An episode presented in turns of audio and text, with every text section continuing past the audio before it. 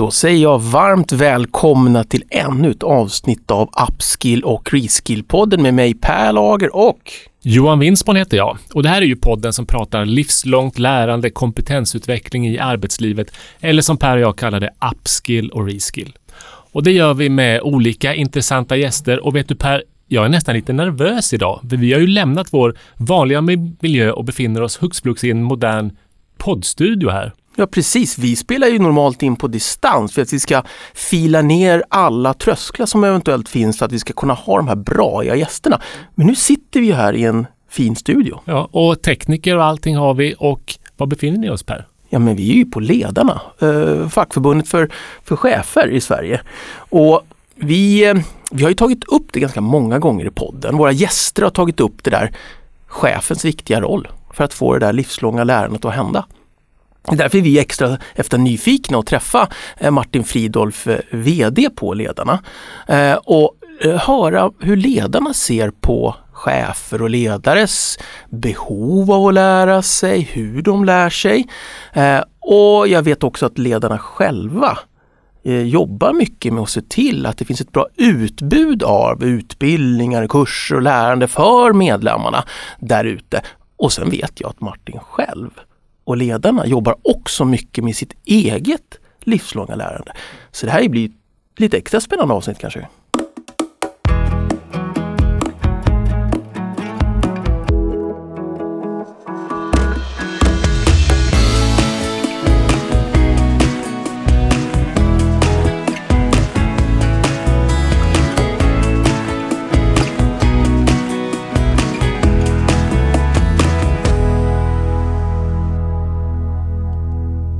Martin, välkommen till Upskill och Reskill-podden tänkte jag säga. Sen inser jag att vi är gäst hos dig idag. Ja, men ni är hjärtligt välkomna hit. Tack så mycket.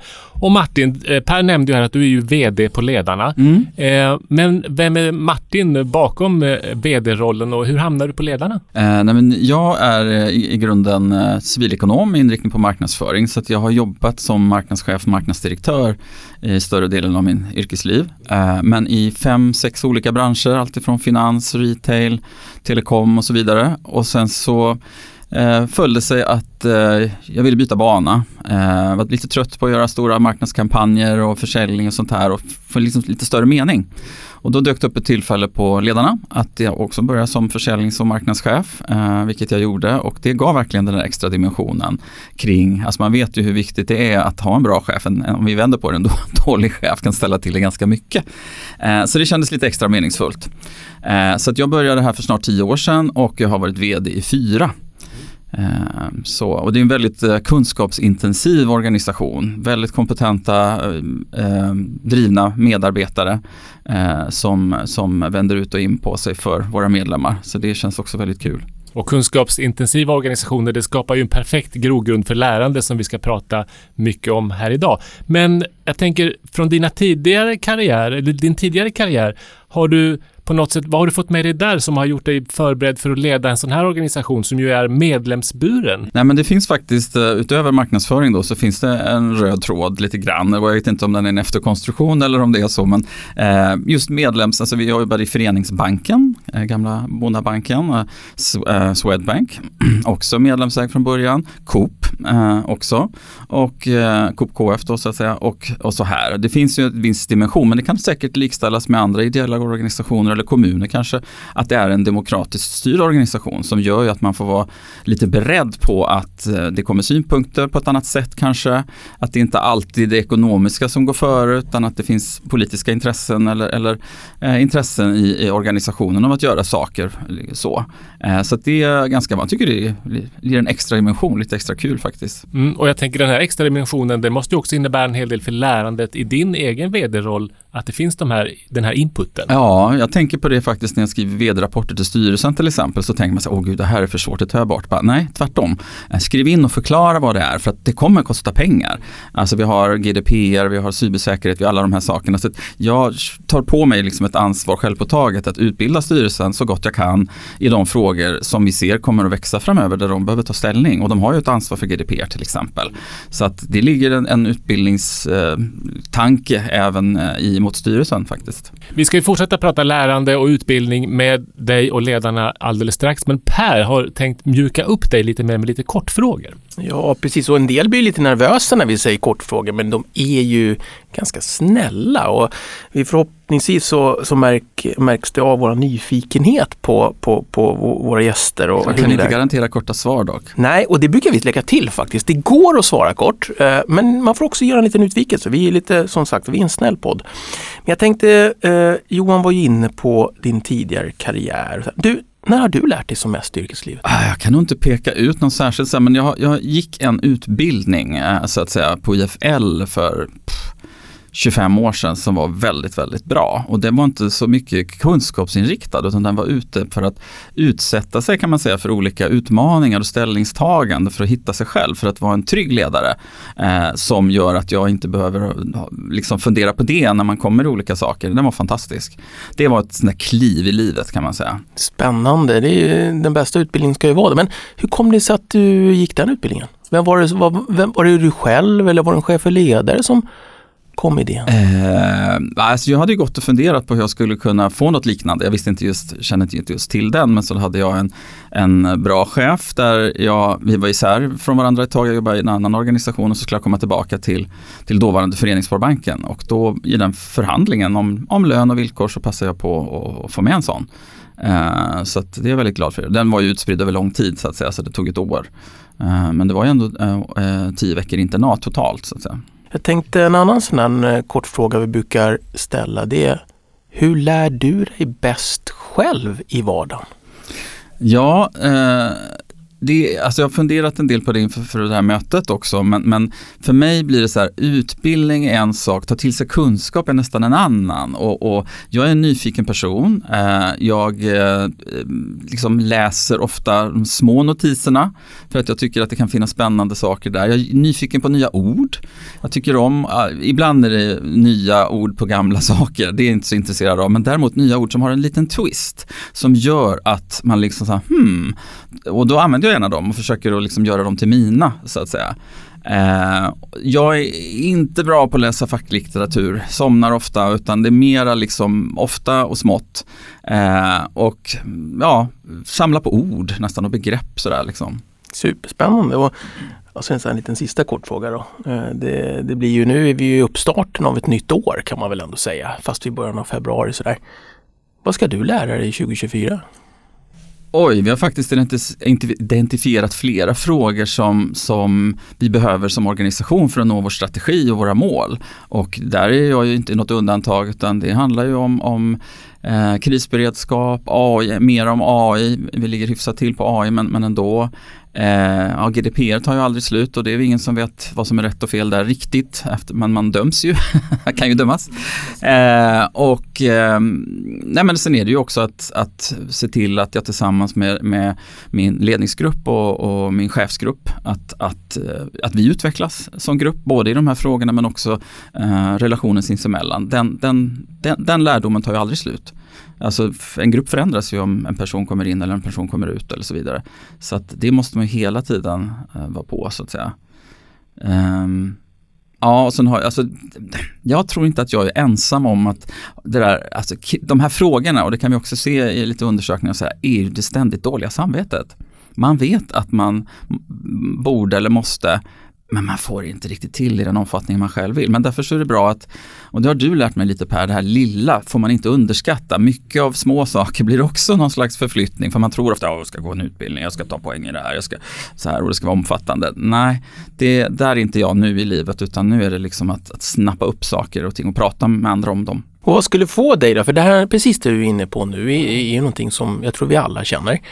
Man vill att man lägger lite mer tid, ska lägga lite mer tid både för sig själv och sina medarbetare. Men vad skulle kunna vara en sån positiv knuff för dig själv då att få för att du ska kunna göra det du vill, nämligen lära dig lite mer?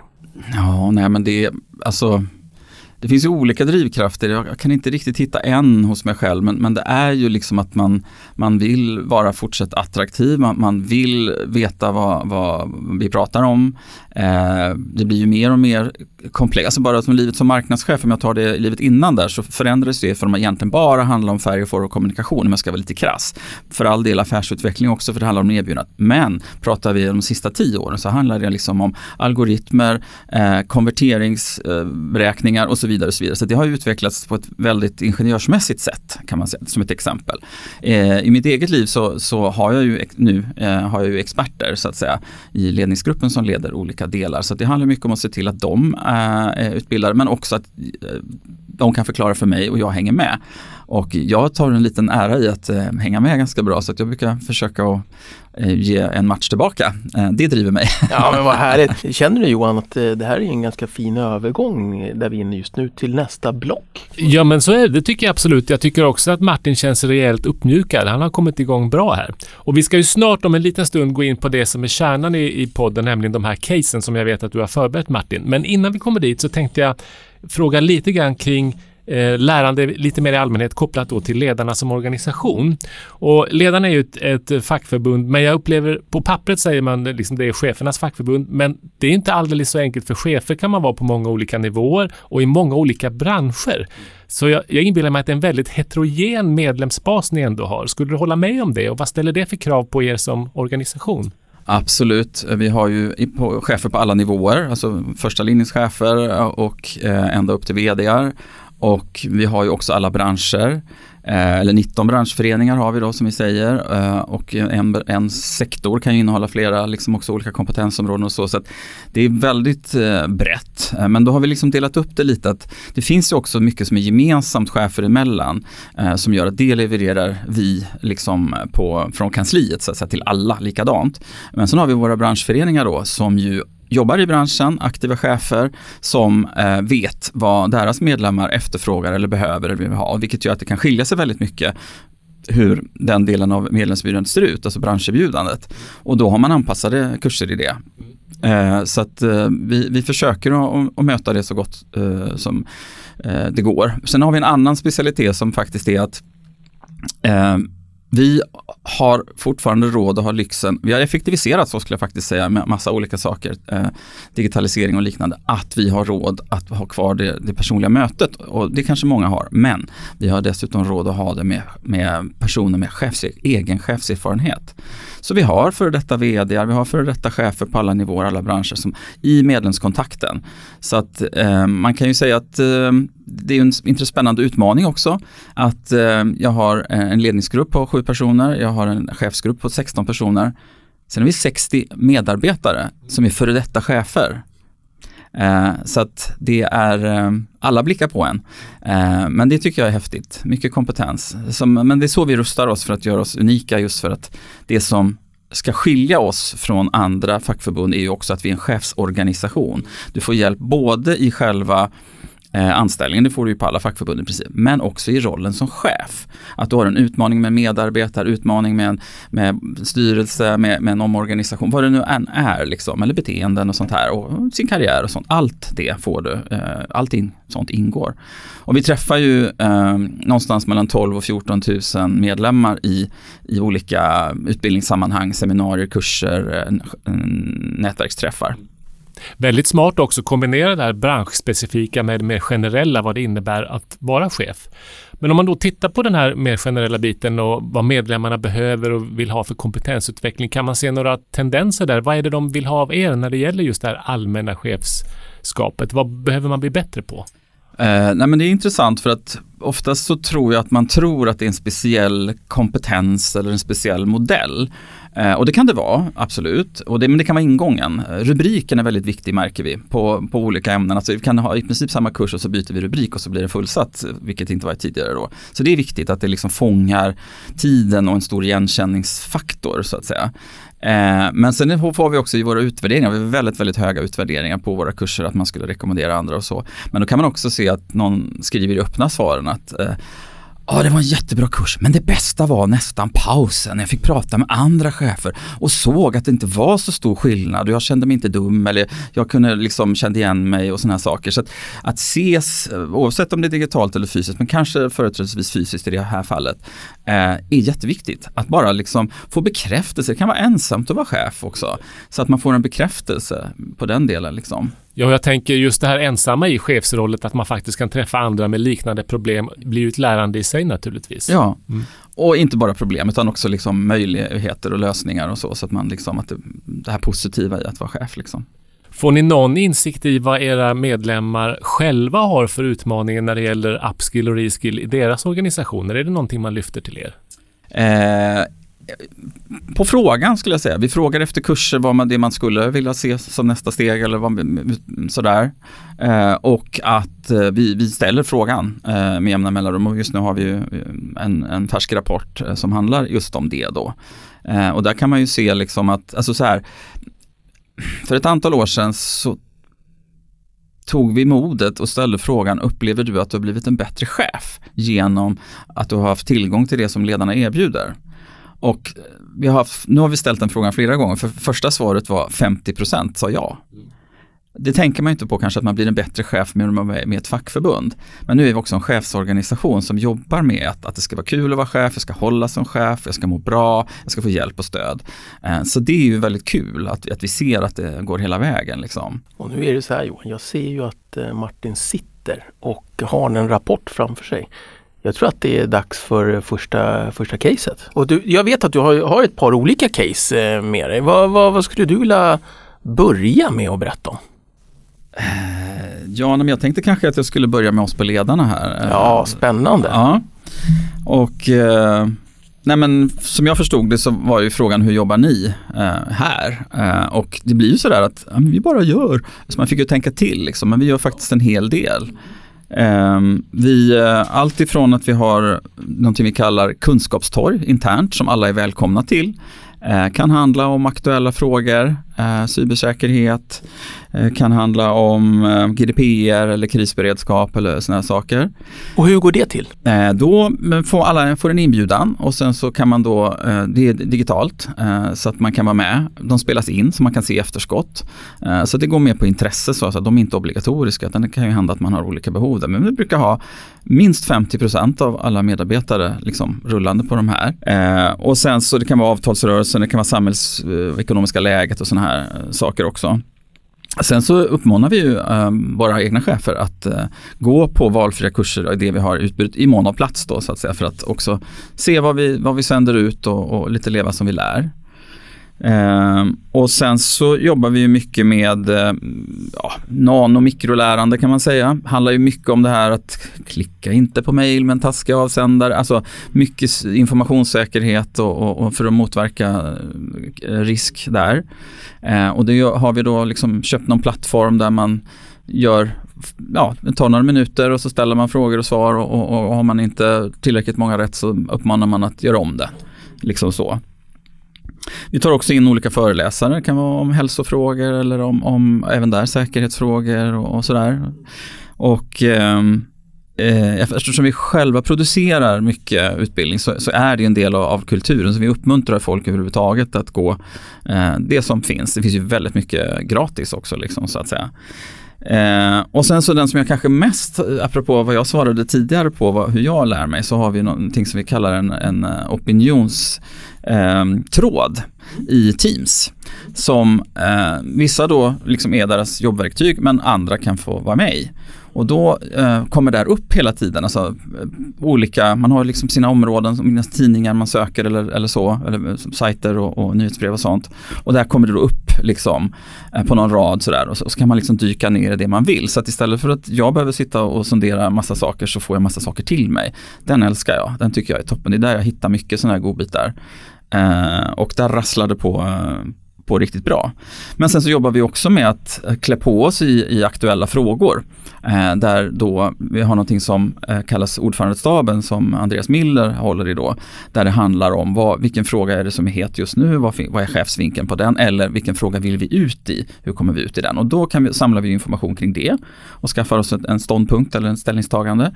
Eh, och ibland så bjuder vi in någon då för att klä på oss ytterligare i, i till det forumet då. Så att det är liksom i olika grupperingar, i olika format och kanaler kan man säga. Men det känns ju som att, eh, för ni är ju en eh, ganska kunskapsrik eh, arbetsplats om man uttrycker sig milt. Många som har väldigt lång erfarenhet av både att vara chef och ledare och allting däremellan. Och de här delarna du trycker lite på, det känns som att ni fokuserar rätt mycket på att få den här kunskapsspridningen mellan medarbetare, stämmer det? Ja, och det är ju svårt kan man säga. Och, men det har ju både blivit lättare och svårare kopplat till den digitala, alltså hybridarbete och sånt där. Alltså det finns ju de här möjligheterna som jag berättade om nyss, om en, en tråd. Eh, men också man kanske tappar en del av de här fika eh, mötena eller, eller kaffeapparaterna och sånt där. Men, men vi försöker hitta, hitta en balans där. Eh, men sen är det ju också att om vi då kommer mycket från ledarskaps och arbetsrättshållet så att säga och trygghetshållet så, så är det viktigt att vi också hänger med i AI. Till exempel och där är jag väldigt stolt över att vi faktiskt ligger rätt bra till. Vi har byggt en egen bot eh, och vi, vi sprider kund, vi uppmanar medarbetare att använda AI men då ska man veta vad man gör och var man gör det och hur man gör det. Så vi har gått den vägen istället. Alltså, ja, få liksom vindflöjen att snurra snabbare så att säga, men att man då inte går snett. Så att säga. Men berätta om den här botten, hur använder ni den? Nej, men den den är, har vi byggt upp tillsammans med en, en leverantör med pengar ifrån Vinnova. Eh, som, eh, den handlar mycket om att kunna genomsöka större mängder av information för att eh, se vad, vad chefer eh, säger och pratar om, men också hur det pratas om dem. Vi har ju ett visst chefsförakt som finns sedan länge liksom så och försöka fånga upp eh, frågor och sammanställningar då. Eh, och eh, det är ju inte helt oproblematiskt, man måste ju ha koll på källorna fortfarande och att, ja, ni vet problemen med AI så, men, men det känns himla kul att vi var på den eh, väldigt tidigt. Och hur har ni jobbat med att stärka just eh, er kompetens eh, kring AI? För det är ju inte bara att ni har fått kunskap vad det verkar utan också gjort saker. Vad har varit de viktigaste insatserna där för att stärka kunskapen? Ja, alltså det blir ju väldigt smalt så att säga, utifrån. Alltså alltifrån att vi har använt det inte så, så, så avancerat, alltså när vi har haft väldigt mycket öppna svar i våra egna medarbetarundersökningar. Eller ta fram en definition när vi har pratat om någonting sådär och mycket att använda AI internt. Men externt så handlar det ju mycket om att, att eh, just snappa upp trender och, och, och ja, även där nya begrepp och, och, och sådär då. Eh, så det blir inte ett svar i sig utan det blir en del av vår eh, liksom, eh, rapportskrivande där vi liksom ansamlar fakta eh, tillsammans med, med eh, att man ställer frågor till olika paneler och sådär. Och eh, ni har ju gått igenom en, ett smörgåsbord med, med, med, saker som ni gör för att liksom hänga med och stärka allas kunskap så att, så att ni kan vara det där braiga facket för, som stöder chefer. Men om du tittar lite framåt då? Vad, vad, vad, vad ser du att ni behöver utveckla i ett, i ett sätt att jobba med lärande och sådär? Hur, hur går dina tankar där? Nej men alltså det, behovet blir ju inte mindre och, om man säger, vi har ett, apropå att jag samlar på ord så har jag ett favoritord nu som heter i den nya raplexa världen, alltså rapidly changing more eh, complex world. Eh, att det går fortare och det blir mer komplext. Vi, alltså vi människor har ju en förmåga att krångla till det för oss och har en ganska komplext eh, liksom, samhälle. Eh, och i det, och så snurrar det bara fortare.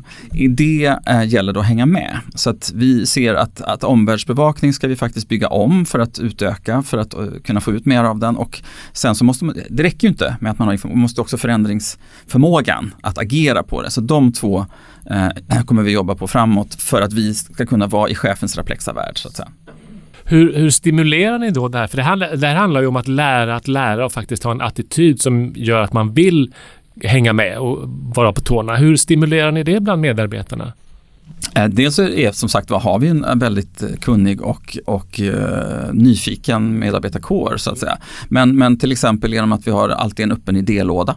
Uh, som, som, så idéerna kan komma var som helst ifrån. Det spelar ingen roll vem som kom på det utan det är viktigt att det kommer upp och att vi kan hantera det. Så det är ett sätt till exempel.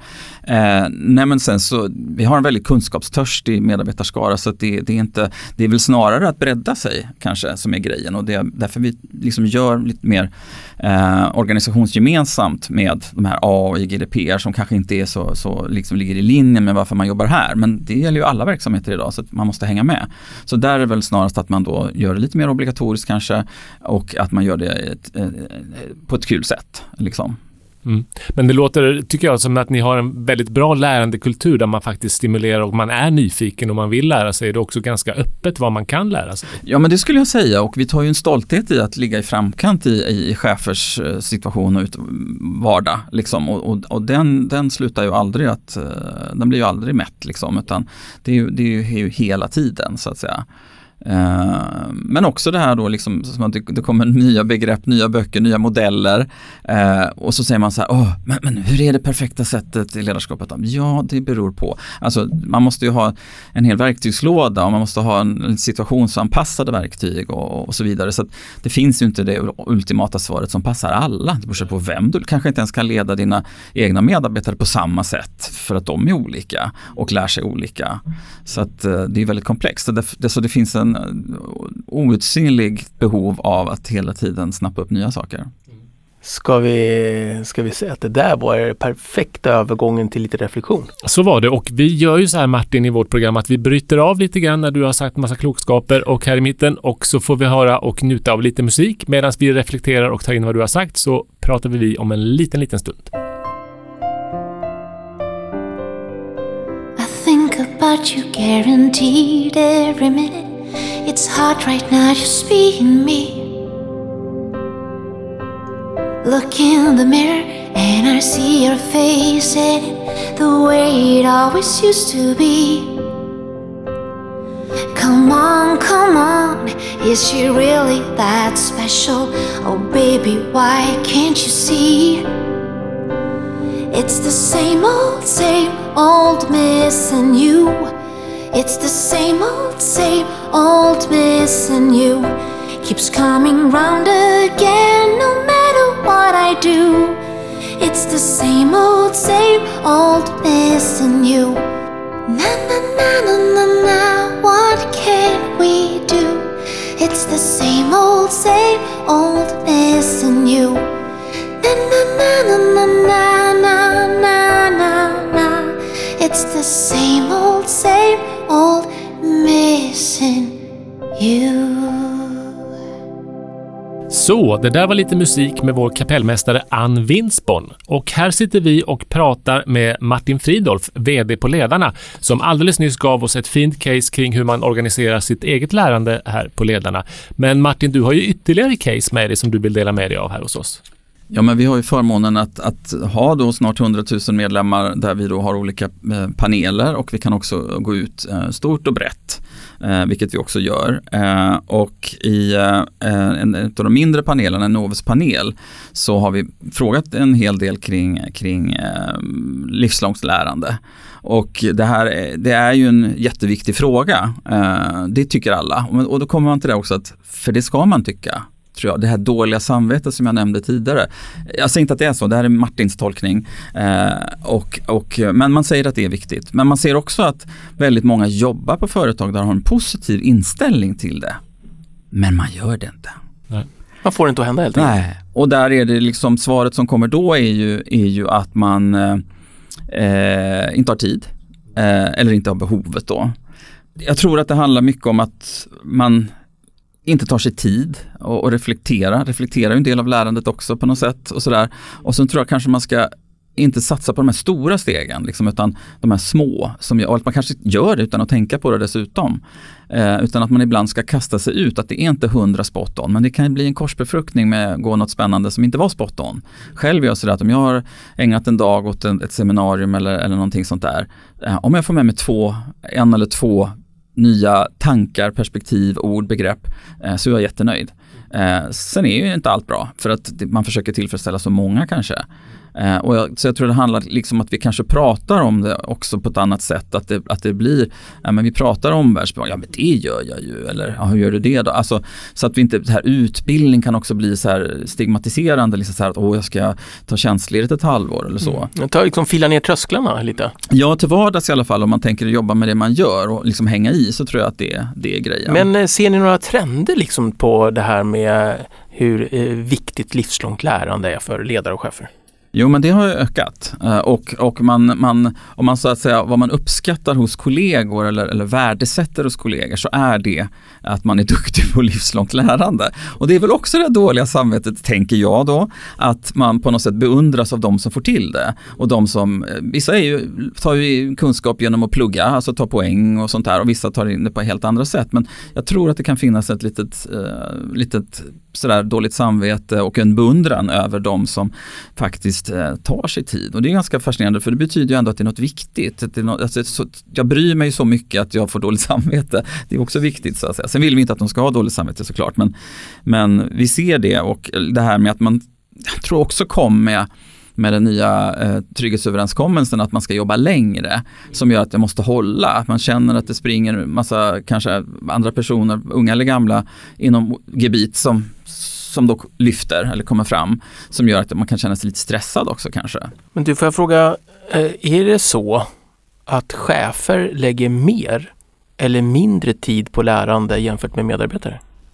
Jag har faktiskt inte fakta på det, eh, men jag skulle tro att, nej, jag ska inte gissa. Eh, jag vet faktiskt inte. Det finns ju ett par rapporter som har kommit eh, nu i höst, både från SCB och från en som heter Rustade för framtiden, där man pekar just på att chefer och experter mm. får lite mer utbildning eller kompetensutveckling än andra medarbetare.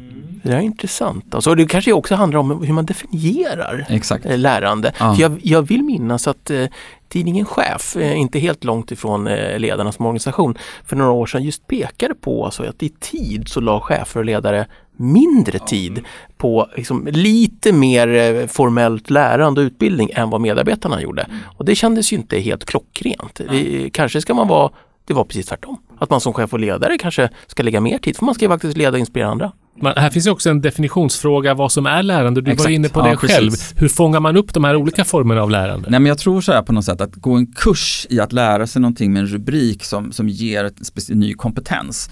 Det kan ju vara befogat men gå på en nätverksträff där jag ska reflektera över mitt ledarskap. Alltså det, det, alltså om man måste prioritera på jobbet eller vad man ska gå med till sin arbetsgivare och, och be om att få så att säga. Det är liksom skillnad där fortfarande tror jag. Man måste värdesätta även eh, det andra så att jag, just att reflektera över, kunde jag gjort det där bättre eller jag har den här utmaningen eller vad det nu är för någonting, tror jag. Eh, att, det, att det är viktigt att man värdesätter det lika högt som ren kunskaps eh, inlärning. Precis, det viktiga vardagslärandet. Eh, men är det något annat i den här rapporten, rapporterna som du skulle vilja lyfta fram? Ja, nej men alltså man, man fastnar ju varför man inte får till det då om man nu tycker det är så viktigt. Och vi ser också att det är viktigt för att, som jag nämnde, att hålla över tid. Eh, ett och samma yrke kan förändras ganska mycket, man ska vara kvar. Men sen så ser vi också i den första undersökningen att det finns ett önskemål om att eh, utbilda sig verkligen. Så 40 procent ser det. Men det handlar mycket också om inte bara att hålla utan att faktiskt göra någonting annat. Och det är kanske så att vi, vi är inte kvar med guldklockan på samma sätt längre. Så det handlar också om att se ett nästa steg och ett nästa steg. Men den är svårare då att få till medan man är i en karriär så att säga. Eh, och så. Eh, men där finns det ju i den här nya eh, trygghetsöverenskommelsen så finns det ju fantastiska möjligheter att utbilda sig. Eh, både med studiestöd och studielån eh, och ett år. Eh, och, eh, men det är ganska okänt fortfarande och det har också haft lite barnsjukdomar kopplat till att man, eh, det är CSN som, som hanterar ansökningarna och där hade man kanske underskattat trycket. Det blev ett enormt tryck.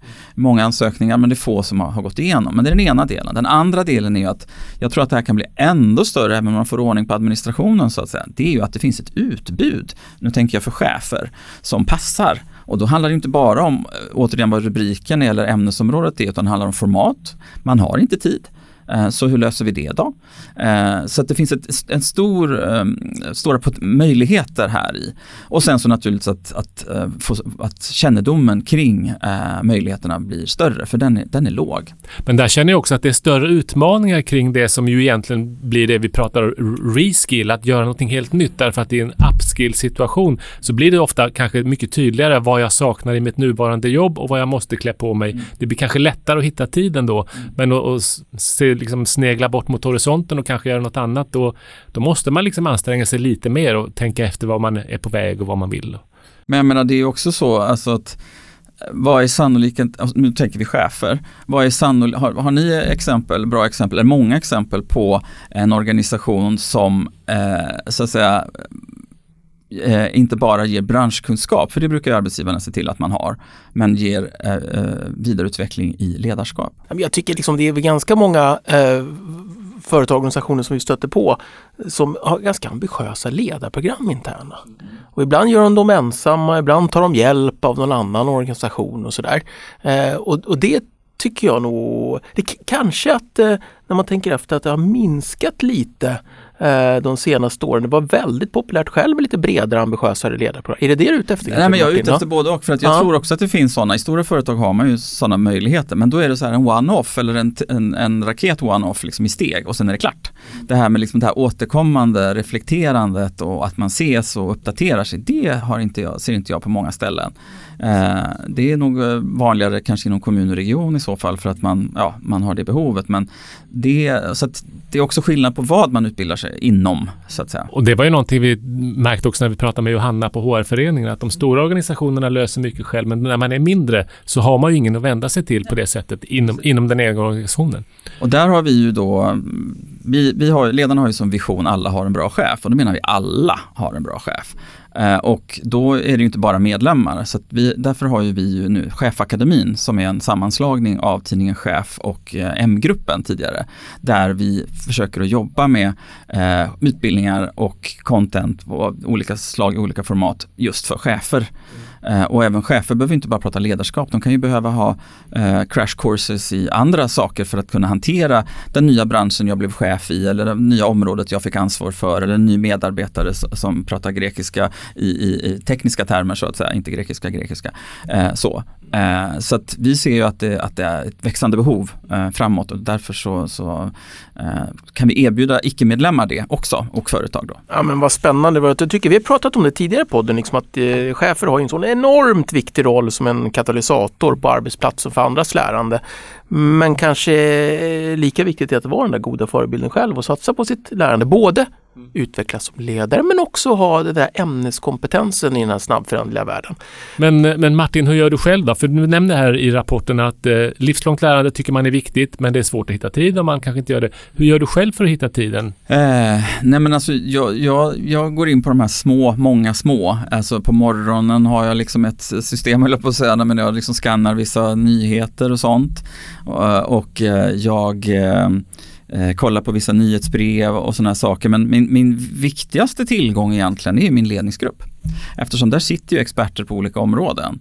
Och det är de som ger mig input om när de har varit på någonting bra eller när de ser någonting inom sitt gebit som gör att vi delar det. Så att, eh, vi har inte alltid incheckning i ledningsgruppen men vi har alltid incheckning i chefsgruppen och det är ju samma sak där.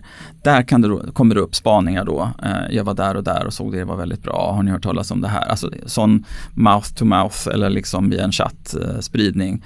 Eh, den den är, är, ju väldigt viktig eh, för mig. Jo Martin, jag tänkte på det lite jag skulle ha frågat den här frågan tidigare kanske, men eh, är det så att det är lite mer tillåtande nu för tiden att först bli chef och sen kunna gå tillbaka till att vara expert inom ett område, fördjupa sig och sen kunna få chansen att komma tillbaka till en, till en chefposition, eller? Ja, alltså jag hoppas det och jag tror det för att det, det Dels kan det ju vara att man eh, själv väljer det eller att det är så. Och det är viktigt att det inte eh, är, något stigma i det heller. Liksom, utan att man, att man tycker att det är helt okej. Okay. Man kan behöva ta en paus eller apropå att man behöver Alltså det här med att så här, driva framåt är ju mycket att vara chef men också att borra på djupet är ju kanske någonting annat, vara expert då ett tag. Eh, så att jag, kan inte, jag har inga siffror på det men jag skulle bedöma det också så att säga att det är så. så eh, ja, precis. För det öppnar ju upp lite liksom, lärandemiljön för chefer. Om man skulle kunna känna att jag både kan utvecklas som chef men jag kan också liksom utvecklas på andra sätt utan att diskvalificera mig från att göra en fortsatt karriär som chef lite längre fram? Mm. Nej men det ser vi ju att, att uh, våra medlemmar har ju, det går ju i perioder så att säga utifrån, av olika omständigheter. Inte, ibland är det självvalt, ibland är det inte det. Men, men, och jag tror ju att det är en Alltså, jag tror att det här med att, att självhjälp, chefer hjälper chefer till framgång, det gäller både unga och gamla så att säga. Att de unga behöver ge eh, kunskap och erfarenheter till de äldre och de äldre behöver ge erfarenheter till de yngre. Eh, så det är också viktigt tror jag att man inte ser att liksom, gammal och vis, ja inom det gamla kanske, men det nya då? Och så vidare. Och just ledarskap är ju väldigt erfarenhetsbaserat, alltså man måste ha gått på sina grund eh, för att liksom riktigt utvecklas kanske. Och här är du inne på en sak som vi inte har pratat så mycket mycket om i podden hittills, det är det här mentorskapet som ju kan vara en oerhört viktig del av lärande som passar perfekt här när det just handlar om chefer. Och, Mm. hur, hur tänker du kring mentorskap? Jo, nej men det, det, man backar tillbaka lite bara och reflekterar över att innan vi hamnade där vi hamnade nu för något år sedan eller två i ekonomin med sådär, så har vi haft högkonjunktur i tio år. Eh, och vi ser ju det liksom att, att medlemstillströmningen har varit lite hög ålder på. Helt plötsligt nu så kommer det in en annan generation chefer. De har bara jobbat i medvind. De har bara behövt spela pingis i foajén och, nu överdriver jag, eh, och eh, anställt folk och, och, haft det trevligt. Nu kommer man till de arbetsrättsliga utmaningarna, det tuffa samtalen och sådana saker. Så det, det, går ju också i vågor eh, så att säga. Så att det, det, är viktigt att ha med sig den biten också så att säga. Och jag tror också faktiskt, eller det är väl så att i de här tiderna så, så blir trygghet in igen. Trygghet har varit taget för, för givet.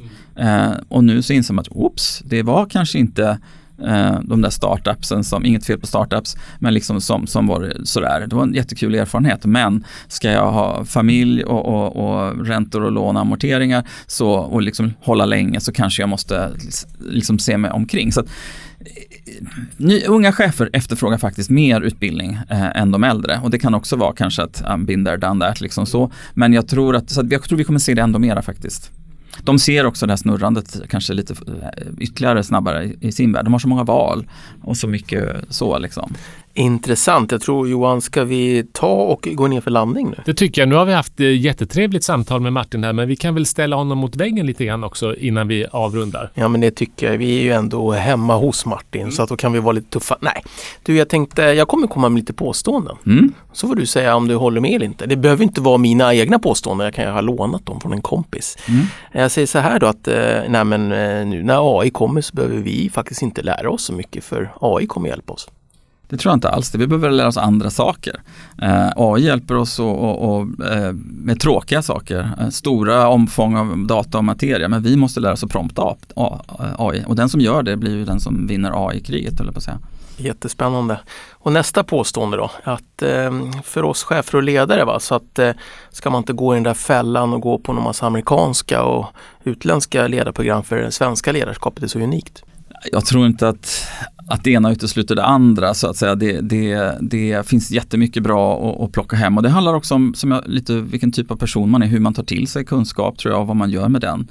Det är också intressant tycker jag, apropå omvärldsbevakning, som det här det pratas inte om globalisering överhuvudtaget. Det var liksom det stekhetaste man pratade om upp till för fem år sedan. Det är ingen som nämner nu. Eh, som gör liksom att jag tror ändå att det är bra att vi delar erfarenheter och folk rör på sig. Eh, migration och annat sånt här så det är bra att ha ett, ett, ett brett spektra. Så att vill man gå amerikanska utbildningar så tycker jag man ska göra det. Mm, den sista då. Och det är så här att eh, Nej men alltså mina chefer eh, de jobbar i en kunskapsorganisation och lär sig massor varje dag i sitt jobb som chef så inte behöver de eh, gå på några kurser och utbildningar eller? Absolut, det behöver de för att hänga med. Det kopplar till eh, krisberedskap, eh, GDPR, cybersäkerhet, alla de här sakerna. Eh, nu hade vi ett stort skifte också här för eh, 2022 när den nya eh, eh, trygghetsöverenskommelsen kom och huvudavtalet. Då var det ju liksom arbetsrätten förändrades och den har inte förändrats på jättelänge. Så jag tror att det har varit ett uppvaknande så att säga. Utan, och som jag sa, att mina chefer är kunskapstörstiga så att jag är inte så orolig. Ja, underbara och Johan, eh, hur underbar det här? Jo, men jag har en fråga till dig Martin kopplat till lite grann framtidens chef och ledare och hur du ser på den rollen. För jag tänker, vi har ju under några år sett lite nya saker hända. Till exempel, vi hade coronapandemin och helt plötsligt började många arbeta hemma, vilket ju har fortsatt i stor utsträckning. Vi har pratat om AI idag som kommer in. Kopplat till det som händer och vad tror du om framtidens chef och ledare? Vad är det för någonting? Vad är det för egenskaper man behöver där? Ja, nej men jag, jag, vi tror ju på ledarna att chef är ett, ett, eget yrke. Att man måste få tid och utrymme till det och då måste man också få tid att utvecklas inom det. För vi ser ju ett antal saker när vi tittar på mot chefsvardagen eh, 2030. Vi har att hantera eh, psykisk ohälsa. Eh, eftersom samhället inte alltid snappar upp det här så hamnar det på jobbet, kan hamna på jobbet och sådana olika saker.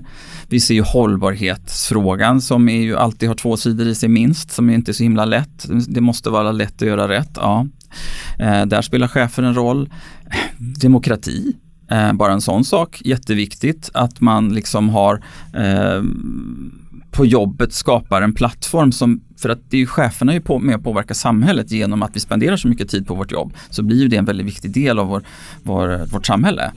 Eh, så det är ett antal eh, nya, nygamla områden som kommer i ny tappning och som sagt var, det blir inte mindre, det blir mer och fortare. Den här raplexa världen är Eh, finns det många frågor i som man inte tror kanske att en chef behöver ägna sig åt. Sen har vi det här med rapporteringstätheten, compliance, alltså att uppföljning till för förbannelse höll jag på att säga. Den är viktig, viktigare i vissa branscher än andra men det är ju liksom en anseendefråga och en riskfråga och inte minst nu när vi har yttre hot som gärna lägger sig i och ställer till det också. Eh, både liksom i, i, i eh, kring eh, cyberattacker men annat också. Så att vi ser också ett ökat hot och hat mot chefer. Eh, att man är beredd på, liksom, jag har sett olika fall av utpressning och, och infiltrering och sådana saker. Att man plockar upp varningssignaler eh, och sådär. Eh, så att, och chefen är ju bara människa också och som ska leda andra människor. Så det är viktigt att chefen mår bra. Liksom, alltså chefen ska ju vara den tryggaste i rummet. Eh, sen behöver den inte kunna allting men man måste ha respekt för, för det som gruppen eller uppdraget kräver. Jag hör ju här Martin att du och ledarna har ju jättemycket att jobba med framöver och hjälpa till med på, inom chefsrollen framöver såklart. Helt klart. Mm. Martin, stort tack för att vi fick komma till dig och spela in här, det här nya avsnittet av Upskill Reskill. Kul att vara här. Tack så mycket.